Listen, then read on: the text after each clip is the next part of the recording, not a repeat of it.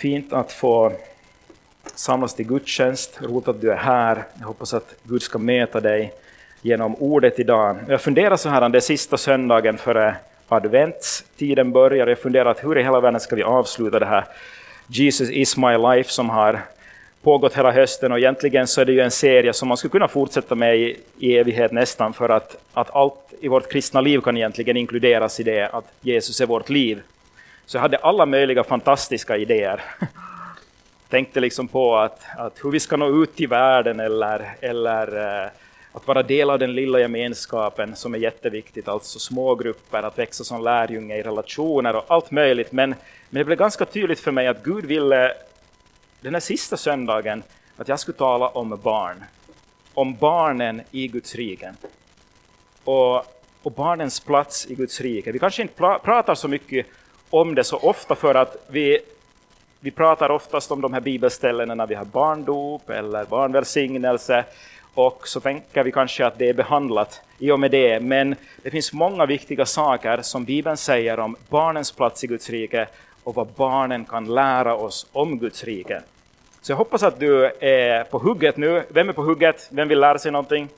Woo! Yes!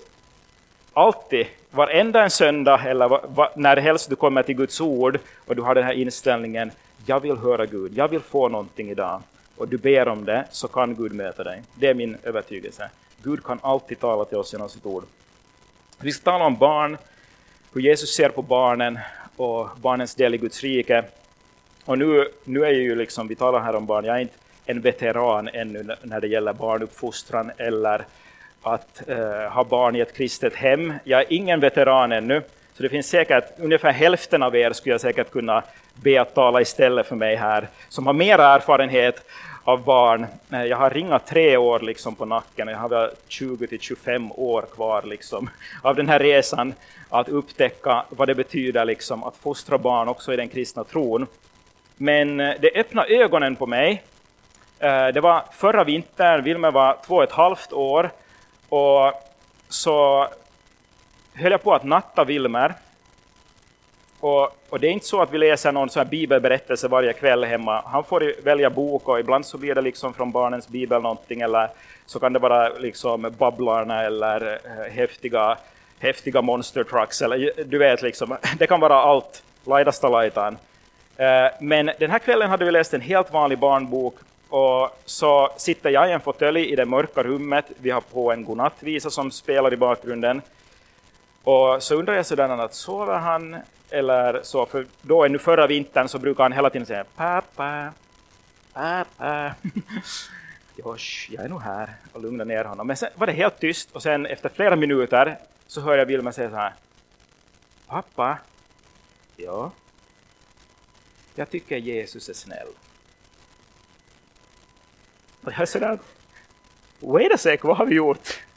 Vad har vi på riktigt gjort? För att det är inte som att vi liksom försöker hjärntvätta våra barn hemma Uh, vi, vi har inte liksom en andaktsstund varje kväll med dem eller någonting. Och jag säger mitt i allt så har han legat där för sig själv. Vi ber alltid en, vi ber alltid en liksom, uh, godnattbön tillsammans med honom. Men han ligger för sig själv och funderar och så vill han berätta det att Jesus är snäll. Och det blev som en ögonöppnare för mig att vänta lite, en två och ett halvt åring kan på riktigt ta emot vem Gud är. En två och ett halvt åring är mottaglig för Gud, funderar på Gud, hurdan Jesus är. Det är ganska häftigt. En annan gång läste vi no om Noaks ark då i Barnens bibel. Och så, så står det där, liksom, där är Noa och där är eh, hans fru och hans barn. Och så, så står det, och Gud talar till Noa och sa att de skulle bygga en ark. Och så tittar Wilmer så här riktigt nära i boken och säger att var är Gud? och jag är sådär att, precis, bra fråga, var är Gud? Jag är sådär att, ja, det är så att Gud syns inte, att han är egentligen överallt och han är här i rummet. Okej, okay. så skulle jag läsa vidare. Var är Gud? och, och, så säger jag, ja det är så att Gud har skapat allting, han finns omkring oss, han har gjort allt här, han har gjort det här träden och himlen och fåglarna och djuren och han har skapat oss. Okej, okay. så jag är med redo att läsa vidare. Var är Gud? och jag tror att vi höll på så här 15 gånger och så fick jag berätta någonting mer om Gud. Och jag tänkte så att, att det är så intressant för ett barn att ta reda på det här. Och ändå så kan det vara att vi tänker om barnen att bara de liksom hänger med nu här någonstans. Liksom. Vi, vi kanske inte tänker på vad allt barnen förstår och vad vi redan liksom från tidiga år kan göra för att hjälpa barnen till Jesus. Och vi ska tala lite om det och läsa en av de här viktiga bibelställena. Men jag vill säga det först, när vi talar om barn, det kan också vara smärtsamt för någon, kanske någon har drömt om barn eller hoppats få barn och, och vi vet vad det handlar om. Vi fick vänta, det var en lång process, så det kan vara mycket smärta i det, i den här väntan att eh, få egna barn. Men när vi talar om barn idag så kan vi tänka på alla barn som vi har omkring oss. Inte bara egna barn, utan vi har kanske gudbarn, eh, vi har eh, syskons barn, det finns barn här i församlingen, vänners barn, bekantas barn. Vi kan tänka på, vänta lite, alla de här barnen vi har omkring oss, vad vill Gud göra i deras liv? Det står så här i Markus evangeliet 10, vers 13-16. Där står det så här. Man bar fram små barn till Jesus för att han skulle röra vid dem. Men lärjungarna visade bort dem. När Jesus såg det blev han upprörd och sa till dem, låt barnen komma till mig och hindra dem inte. Ty Guds rike tillhör sådana. Amen säger jag er, den som inte tar emot Guds rike som ett barn kommer aldrig dit in. Och han tog upp dem i famnen och lade händerna på dem och välsignade dem. Först för att förstå det här bibelstället och den här berättelsen och kraften i den, implikationerna den har, så måste du veta det här om den tidens kultur. Barn hade mycket låg status på den tiden, tyvärr. Det är ju jättefint, mycket har blivit bättre på 2000 år, men på den tiden, speciellt i hedniska kulturen men också judiska, så såg man inte barn eh, liksom som någonting, eh, vad ska vi säga, de fick inte jättemycket eh, utrymme, de värderades inte så högt. Man kunde se ner på barn till och med på den tiden.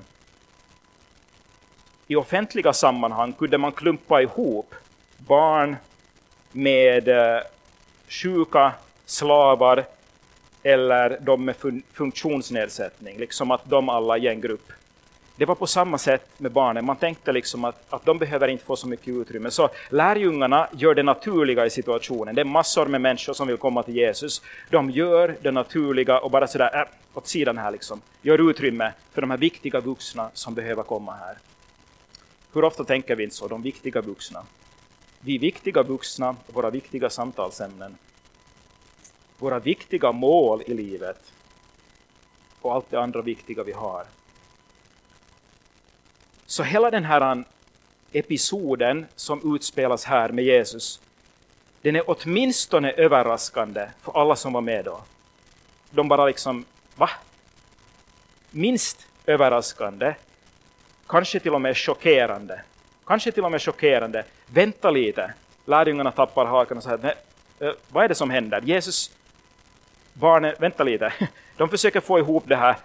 Vad är det som händer? Vad säger Jesus här? Och Jesus till och med tar det vidare till att göra en poäng av hur barnen är för att hjälpa människor förstå hur man kommer in i Guds rike. Och vi ska komma till det om en stund. Men det första vi kan säga idag om barnen, det är det här att Jesus älskar och prioriterar barnen. Han gör det på flera ställen i Bibeln. Han älskar och prioriterar barnen. Medan lärjungarna tänker att de, barnen får hänga med på sidan om, men var inte i vägen för de vuxna. Var inte i vägen för det viktiga som håller på att hända här. Barnen får vara med, men besvära inte mästaren. Och har de ens något verkligt behov? De vill bara bli välsignade. Det här är ju inte liksom en förbönskö till någon tv-evangelist. Att vad är ert verkliga behov? Kanske de tänkte så här. Men lägg märke till Jesu reaktion. Det står att han blir upprörd. Och det här grekiska ordet för upprörd, det, be, det betyder att uppleva mycket smärta på insidan. Det är vad det betyder. mycket smärta på insidan, alltså man blir upprörd, det knyter sig inom en, och eh, alltså väldigt nära att vara arg, vred. Det knyter sig inom Jesus, och, och han blir arg, kanske hans min ändras, kanske han tittar på dem, och de får liksom the eyes av Jesus. Och, och de funderar, vad är det på gång? Nu, nu när du läser något sånt här måste du fundera, att vänta lite, hur många gånger blir Jesus arg egentligen? Kan någon säga någonting? Kan, kommer du ihåg någon annan gång när Jesus blir arg? I templet, precis. Så när man gör Guds tempel till en marknadsplats, man börjar sälja och köpa i templet, i Guds tempel, det är en av de få andra gångerna som Jesus blir arg och det står om det i Bibeln. Några gånger blir han arg på lite tro, människor har så lite tro och tror så lite om Gud. Men det är den stora andra händelsen, när, när han blir arg i templet. Han, kallar då, han, han säger att ni har gjort Guds hus till en rövarhåla, ett rövarnäste. Och så det är inte kanske typiskt Jesus tycker vi, men han knyter en piska och driver ut dem ur templet. Det är Jesus. Men det är väldigt få gånger det står om Jesus att han blir arg, men det här är en av de gångerna. Så när vi talar om barnen, att barnen ska få komma till Jesus, och de försökte hindra barnen från att komma, då blir Jesus arg. Det är en av de gångerna. Tänk på det. Så viktigt var det för Jesus att barnen skulle få komma, att man gör det möjligt för barnen att komma. Att man jobbar, att man aktivt hjälper barnen att komma. Så att han blir arg. Och han säger, han säger inte bara en gång, liksom, poängterar det en gång, utan två gånger. Han säger både låt barnen komma till mig, i vers 14, låt barnen komma till mig och hindra dem inte. Det, det räckte inte för Jesus att säga bara hej, låt dem komma till mig. Eller att säga nej men sluta, hindra dem inte. Han säger låt dem komma till mig, hindra dem inte. Och så säger han att till Guds rike tillhör sådana. Egentligen säger att de här borde få förtur. De är öppna, de vill, de, de kan ta emot. Ge förtur åt dem, prioritera dem. Så han understryker det och sen lyfter han upp barnen i famnen, han lägger händerna på dem och välsignar dem. Kan du se hur överraskade lärjungarna är som tycker att Jesus borde betjäna alla de sjuka, alla de vuxna som kommer med sina frågor, som vill bli berörda av Jesus. Och sen tar Jesus barnen i famnen. Han ger dem beröring, närhet, säkerligen ser dem i ögonen och talar rakt till dem och uttalar välsignelser över dem. Han ser dem han ger dem tid och utrymme. Hänger du med? Barnen är oerhört nära Jesu hjärta. Och han prioriterar barnen, till och med framom de vuxna, i det här tillfället. Hur vet vi att Jesus både älskar och prioriterar barnen? En av de starkaste fördömelser som Jesus uttalar i evangelierna om någon grupp människor har med barn att göra. Det står i Matteus evangeliet 18 och 6. Men den som förleder en av dessa små som tror på mig, för honom vore det bättre att en kvarnsten hängdes om hans hals och han sänktes i havets djup. Det här är en av de liksom mest sådär, vad ska vi säga, starka, magstarka bilder som Jesus ger. Alltså det här vad Jesus säger att vore bättre. Om någon förleder ett barn alltså vilseleder, leder det fel eller lurar ett barn på ett eller annat sätt, så skulle det vara bättre om en kvarnsten hängdes om halsen och han sänktes i havets djup. Jag tycker det är ganska starkt, alltså magstarkt då, specifikt. Han säger att för att det här är straffet som borde komma från det, så är det desto viktigare att vi leder barnen. Sen talar han om några synder, han säger att gör upp med det här eh, och så vidare. Och sen i vers 10, Matteus 18 och 10, så slutar han med att säga Se till att ni inte föraktar någon enda av dessa små. Jag säger er att deras änglar i himlen alltid ser min himmelske faders ansikte. Gud har alltid barnen på, på eh, Gud har alltid ögonen på de små barnen. Han säger att frakta inte dem. Ringakta inte vad ett barn kan ta emot, vad ett barn kan ha för plats i Guds rike. Och vi måste fråga oss själva, hur högt värderar vi barnen, att ge barnen förtur? Hur högt prioriterar vi att ge Jesus vidare till våra barn? Våra egna barn, men också våra barn i församlingen. Barnen som finns i våra liv. Sker allting på de vuxnas villkor eller ger vi barnen förtur?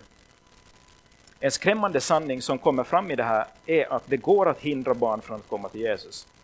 Lärjungarna försöker i det här tillfället. Och nu är det inte, det är inte uh, fariseerna, det är inte de skriftlärda, det är inte uh, någon annan av de här grupperna som var emot Jesus, utan det är hans egna lärjungar som inte förstår vad de håller på att göra.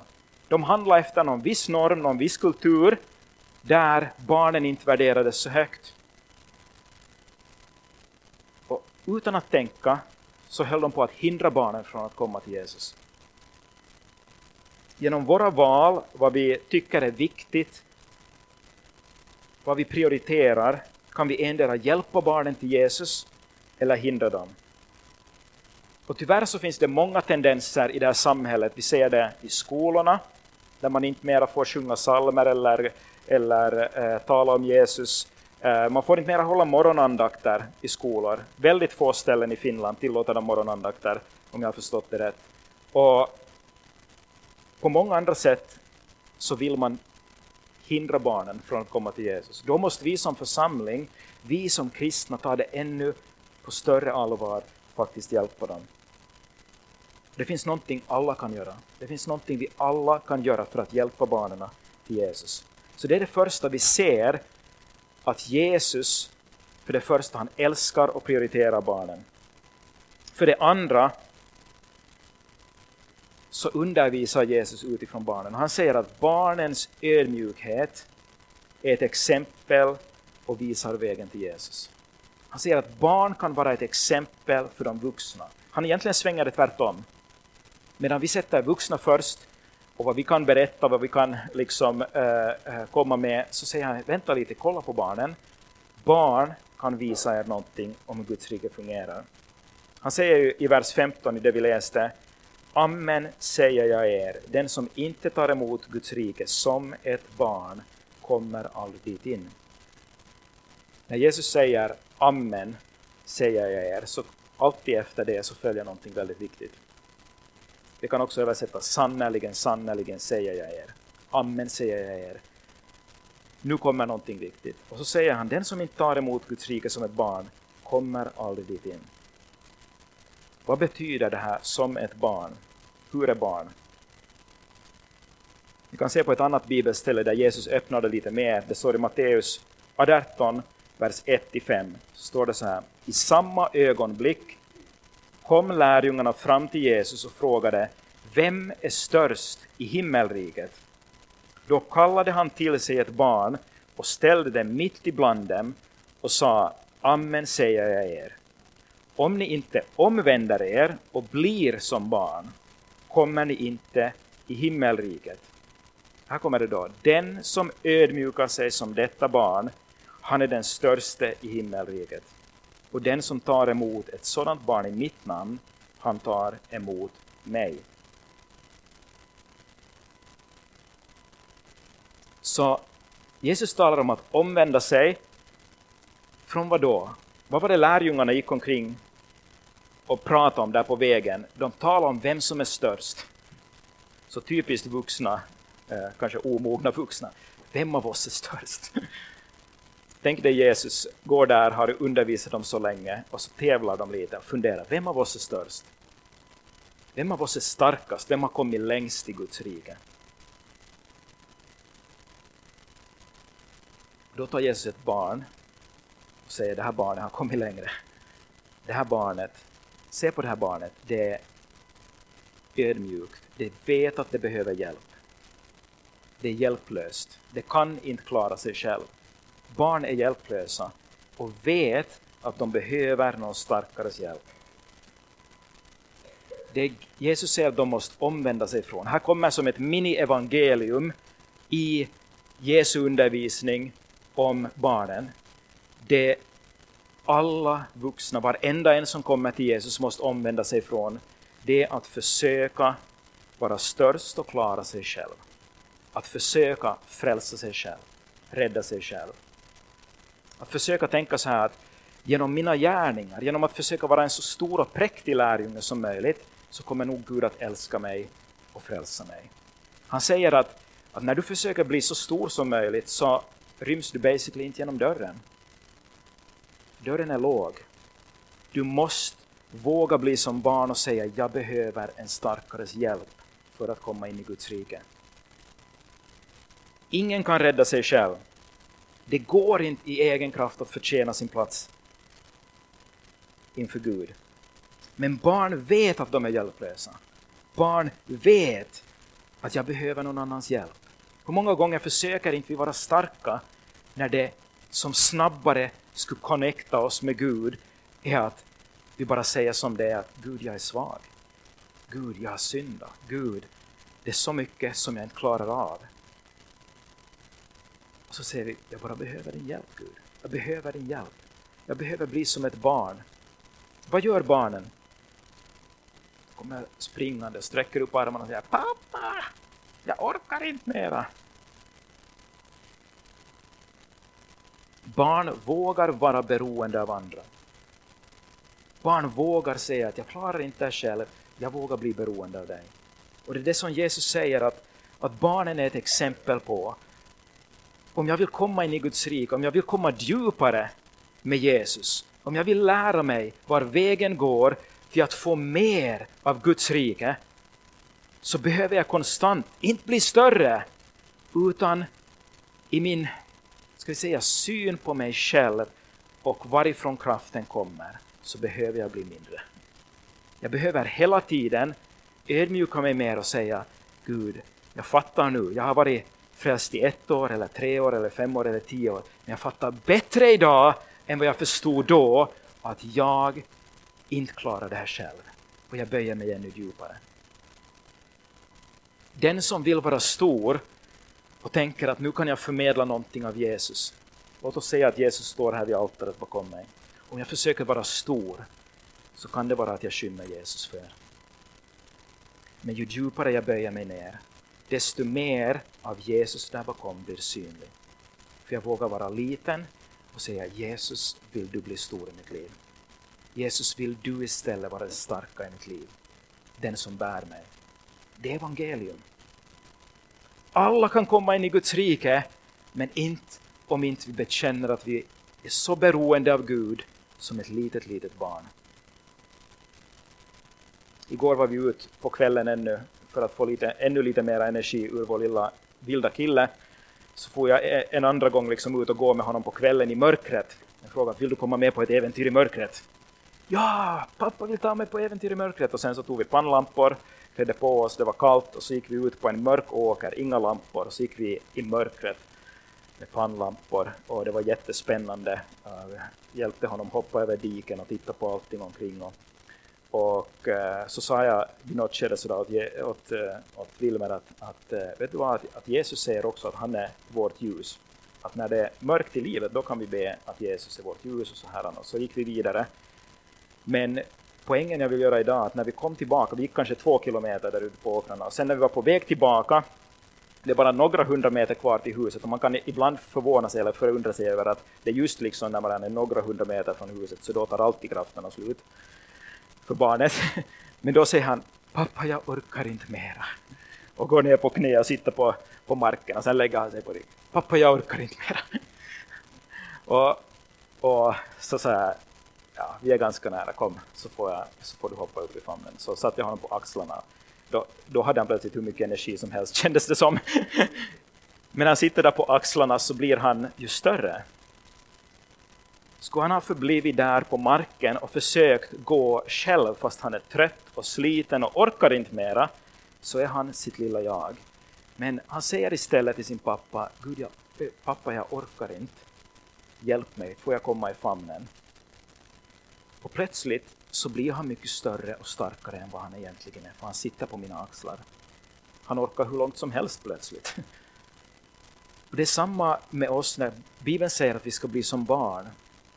Så länge du inte är beredd att be din pappa om hjälp och säga jag behöver dig verkligen, jag är beroende av dig, så kommer du att hamna och kämpa på där i egen kraft. Men den stunden som du säger att nu ger jag upp. Du, behöver, du är vuxen, du behöver inte lägga ner dig på marken och sprattla liksom, men du säger att Gud, jag ger upp, jag behöver dig Gud. Jag behöver din hjälp för att klara det här, för att kunna leva livet, för att komma vidare i mitt lärjungaskap. Den stunden lyfter Gud dig på sina axlar han blir det starka i ditt liv. Och du får vara svag. Det här är en av de fina grejerna Jesus säger om barnen. Det är okej okay att vara som barn. Det är okej okay att vara svag. Det är okej okay att inte klara sig själv. Men det finns ingen annan väg för en lärjunge, för en kristen, än att våga bli beroende av Gud.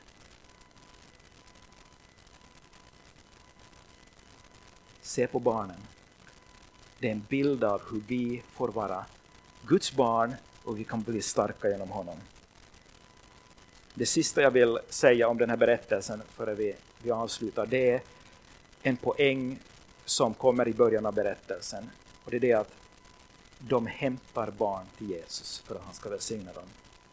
Vad gör föräldrarna? Föräldrarna i den här berättelsen, de ser det oerhörda värdet i att hämta sina barn till Jesus. Vad vill jag hellre än att mina barns liv ska få präglas av den största kärleken i hela världen, den mest förlåtande och frigörande nåden och den glädje som utstrålas i Jesu ansikte och i hans gärningar. De ville att deras barn kommer i kontakt med Jesus. Men poängen är den här, barn behöver hjälp för att komma till Jesus. De kan inte komma själva. Barn behöver hjälp för att komma till Jesus. Därför hämtar de medvetet barnen till Jesus. Jag kan inte understryka det nog, att det här är en poäng som Jesus gör i den här berättelsen. Föräldrarna gör det här om valet medvetet. De tittar inte på om barnen är intresserade eller om, om barnen kanske vill leka med kompisar eller hålla på med mobilen istället, utan de gör medvetna handlingar för att barnen ska, ska få komma närmare Jesus. Och tyvärr i det här samhället är det så mycket som vill styra barn iväg från tron. Om du bara tänker på hur sociala medier kommer in i småbarns liv tidigt. Man börjar följa med vad som händer på TikTok och på andra grejer, den ena värre utmaningen än den andra som de försöker hänga med i. Hur viktigt är det inte att medvetet ge annan input åt barnen? För det är så att om man tänker så här, så som världen tänker och skolorna tänker, att man ska inte påverka barnen i någon riktning. De får hitta sin väg själv. Det är en fullständig lögn och idiotisk idé om jag får säga det rakt. För sanningen är den att om du inte medvetet leder ett barn på den rätta vägen så lämnar du det fritt för barnen att ledas på den felaktiga vägen. Om vi säger så här att jag ska inte påverka mina barn, då påverkar du mycket starkt dina barn att inte gå i den rätta riktningen. Och det behöver vi vara vaksamma på. Vi måste, vi måste medvetet påverka våra barn i rätt riktning. Ordspråksboken 22 och 6 säger så här. Vänj den unge vid den väg han bör vandra, så viker han ej av från den, här, från den när han blir gammal. Alltså vänj den unge vid den väg han ska vandra. Alltså att ge över, ge vidare vanorna åt barnen. Ge vidare det som är viktigt för oss, det är viktigt för vår familj. På vilket sätt gör vi det medvetet så att barnen kan få komma till Jesus? Och här skulle jag vilja inbjuda alla familjer i församlingen. Prata med varandra. Som sagt är jag ingen veteran ännu. Jag är liksom rekryt eller vad man ska säga när det gäller barn. Eh, jag har bara varit i det tre år ännu. Men det finns massor av familjer i församlingen som länge redan har väglett sina barn mot Jesus och jag tror att många har jättebra idéer och tips på vad har vi gjort i vår familj som har gjort det möjligt för barnen att ta steg mot Jesus och upptäcka honom. Och här tror jag inte personligen att det handlar om några otroliga stora grejer vi ska göra, liksom ha eh, ett minimöte i hemmet varannan kväll eller någonting sånt. Eh, jag tror inte att det handlar om det stora, utan om det lilla. Vad är det i vardagen? Hur är Jesus en del av vardagen i vår familj? Vilka vanor har vi? Eh, ber vi för maten? Bordsbön? Kanske många tänker sådär, äh, vi är välsignade hela tiden, alltid vårt hus är välsignat, vår mat är välsignad, Gud är med oss hela tiden. Men vilka vanor ger du, ger du över åt barnen? Varje gång du på något vis inkluderar det i vardagen, att Gud är en del av det här. Vi ber före maten, vi hoppar inte bara på maten och slafsar i oss den, utan vi, vi ber och tackar Gud för att vi har mat. Då, varje gång du gör det så ger du en signal åt dina barn. Vi tror att det goda vi kommer är från Gud, det är en gåva från Gud. Vi tackar honom för det vi får. Ibland ber vi bara, för att vara ärlig så är det ganska svårt att be bordsbön hemma hos oss nu för tiden, för att Wilmer är inte alltid med på noterna. Eh, ibland måste, måste vi be på ett annat språk eller till slut be på engelska för att, att då tycker han att det är tillräckligt intressant. Så det är inte så lätt att, att hålla ut med det när barnen skriker och gnäller och, och vill göra någonting annat. Men vi vill ge det vidare. Och ibland så berättar jag, istället för att försöka be när han inte vill det och han börjar skrika istället, så säger jag att eh, får jag berätta varför vi ber för maten? Och så sitter vi länge. Kanske det tar mycket längre, fem, tio gånger längre än att be för maten. Men så sitter vi där och jag berättar varför vi ber för maten och hurdan Gud är och allt det goda han ger åt oss. Och så, så blir Vilma tyst när han har lyssnat en stund och sen ber vi för maten. Man hamnar att göra medvetna val och kämpa för att ge vidare tron i vardagen. Och alla kan göra saker. Jag tror att det viktigaste som både mina föräldrar och Miriams föräldrar har gjort för oss, det är att de har bett för oss. De har fortsatt att be för oss år ut och år in. Jag tror nästan att Miriams exempel är bättre. Hon berättar att varje dag före hennes föräldrar sände iväg dem till skolan så bad de en kort bön. Kramade om dem och sa Jesus, nu ber vi att du är med Miriam den här dagen på skolan. Låt allt gå bra. Amen. Det är inte mer än så nödvändigtvis som behövs, men barnen får veta att Gud är en del av vår vardag. Det här är någonting vi gör för att barnen ska få komma hela tiden närmare Gud. Och jag har känt mig misslyckad många gånger över när jag tänker liksom att undrar vilka möjligheter som kan ha gått förbi. Undrar vad jag, vad jag borde ha gjort som inte jag ännu fattar att jag borde ha gjort. Men där kommer nåden in. Där kommer Guds hjälp in. Där kan Gud eh, komma och fylla i luckorna. Men vi kan, det, det vi vet, det vi kan idag, det kan vi göra för att hjälpa barnen i rätt riktning i hemmet. Jag tror att egentligen det grundläggande för att uppfostra trygga barn är det grundläggande för att ge vidare tron också. Villkorslös kärlek, ge barnen genuin uppmärksamhet, se dem i ögonen, prata om grejer, förklara saker, visa att deras frågor är viktiga. Detsamma som ger trygghet i livet ger också trygghet i tron senare. Och det kan vara olika för olika barn. En del barn kanske tycker om att lyssna på bibelberättelser medan en del barn kanske förstår hur Gud är bättre när vi berättar om bönesvar, berättar vittnesbörd om vad Gud gör. Så alla barn är inte heller likadana och vi får försöka hitta det tillsammans. Vad funkar för de här barnen? Om vi talar en stund om församlingen också, vi kan alla göra någonting. Fast vi inte har egna barn så kan alla hjälpa barn närmare Jesus här. Och min visa fru sa någonting smart igår. Hon sa att, att hon tror att det är lika viktigt som att ge bibelberättelser eller liksom ha söndagsskola åt barnen. Det är lika viktigt att barnen blir älskade och sedda i sin församling.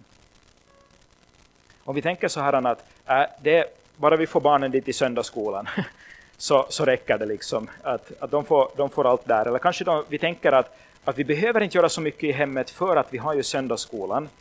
Men då, då skjuter vi över vårt ansvar. Alla kan se barnen, uppmuntra dem, prata med barnen i församlingen, visa att de är viktiga, de är en del av familjen här. Vi kan alla inkludera barnen. Och det, det är en kamp för föräldrar att komma till kyrkan med småbarn. Vi har liksom väntat, ni skulle veta hur vi har väntat i tre år på att Wilmer får börja söndagsskolan. för, för de flesta predikningar har gått förbi för Miriam. Det är ju oftast jag som predikar och hon hamnar och sköta Wilmer då de senaste tre åren där, där bak i kaféet. De flesta predikningar har gått förbi på tre år. Och då kan man tänka så här, vänta lite, att Är det någon poäng att, att jag far till kyrkan som förälder om jag ändå bara sitter där och, och, och roddar med ett barn och inte hör någon predikan? Liksom? Att, vad var poängen då? Poängen är just den att vi kan vänja våra barn och leda dem på den rätta vägen och säga att det här är det vi som familj gör. Åtminstone eh, Wilmer eh, älskar att komma till kyrkan och det gjorde han långt före han fick gå till himlakul. Nu älskar han det kanske ännu mera och han har ett roligt eget program. Men vi vänjer dem, vi säger det här är vad vi gör. Jag vill att, att de vet och får vanan att gå till kyrkan, att komma hit oavsett om det är himlakul. Kanske någon tänker så här att, att vad är det för poäng om inte det är himla kul?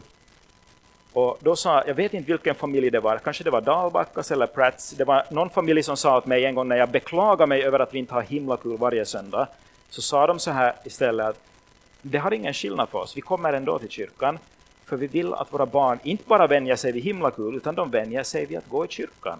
Det ska bli en naturlig del att komma och möta Gud i kyrkan. Jag tyckte att det var oerhört bra sagt. Det, det är någonting vi har burit med oss och tagit med oss av en annan familj, att hej, det är det som är poängen. Inte bara att underhålla barnen. Då nedvärderar vi vad barnen kan ta emot och förstå av Gud. Nej, poängen är den att barnen kan vara en del av gemenskapen och av familjen i församlingen. Jag skulle vilja uppmuntra, alltså vi gör jättemycket den, det här är ingen klagopredikan, jag hoppas att du inte tar det så. Utan den här församlingen är redan jättebra på att inkludera barnen, att eh, ordna program för dem, himla kul, vi har Metsko Youth. Men jag vill uppmuntra alla att tänka på det. Vad är min del i att göra det möjligt och inte hindra barnen från att komma till Jesus? Det kan finnas många olika ursäkter. Vi har så mycket hobbyn. Uh, nej, men det är enda dagen vi som familj får bara vila ut. Det är enda dagen vi kan liksom ta det lugnt. Vem sätter vi först då? Är det att barnen ska få möta Jesus? Eller är det att vi som familj gör det möjligt för barnen att komma till Jesus? Jesus ska prioritera barnen tror jag. Till sist vill jag tala om eh, himlakulens stund. Vi har nu en otroligt fantastisk eh, situation i himlakul. Vi kan sätta upp några bilder här. Jaha. Det är lite stretchat men det gör ingenting. Jag vill bara säga att alla föräldrar, era barn ser inte ut så här på riktigt. Eh, men eh, vi har haft mellan 15 och 22 barn i himlakul nästan varje gång. Jag vet inte hur många som gick iväg idag. Tänder de ljus eller blåser ut ljus?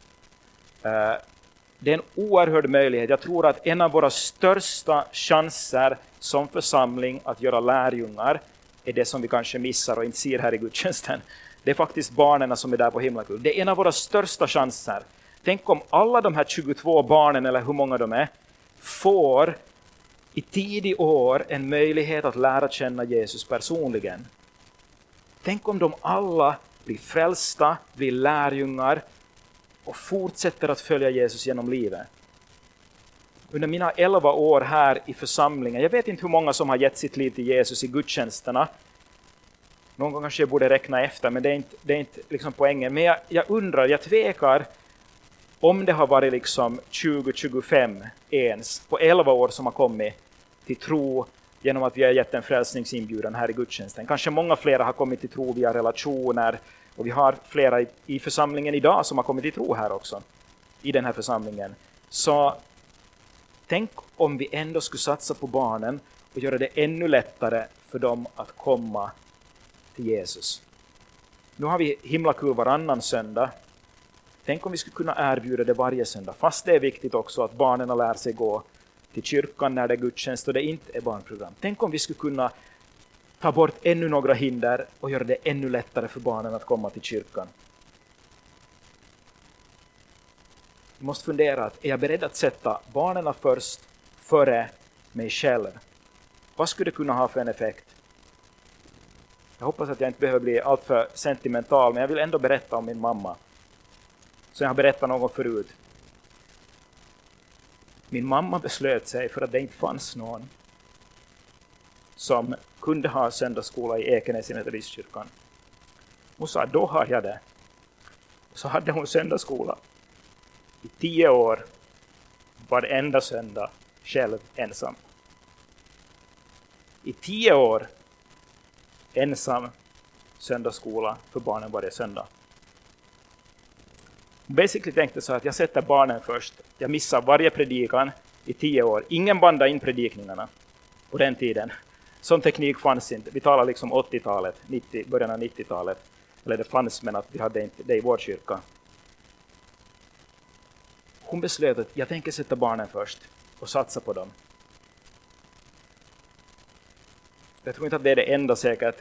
Gud har en kallelse på människor och, eh, och eh, Gud påverkar vad det blir av människor. Men, men det blev av hennes fyra pojkar blev det fyra pastorer.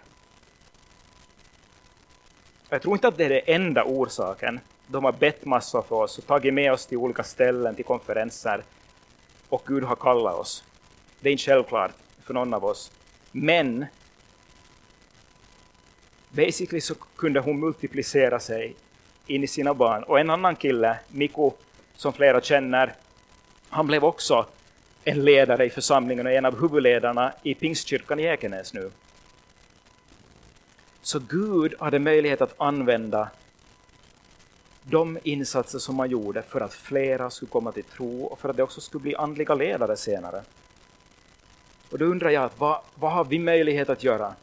Också vårt ungdomsarbete, som är bara varannan fredag. Skulle vi ha mera ledare så skulle vi kunna erbjuda det. De vill det, barnen eller ungdomarna älskar det.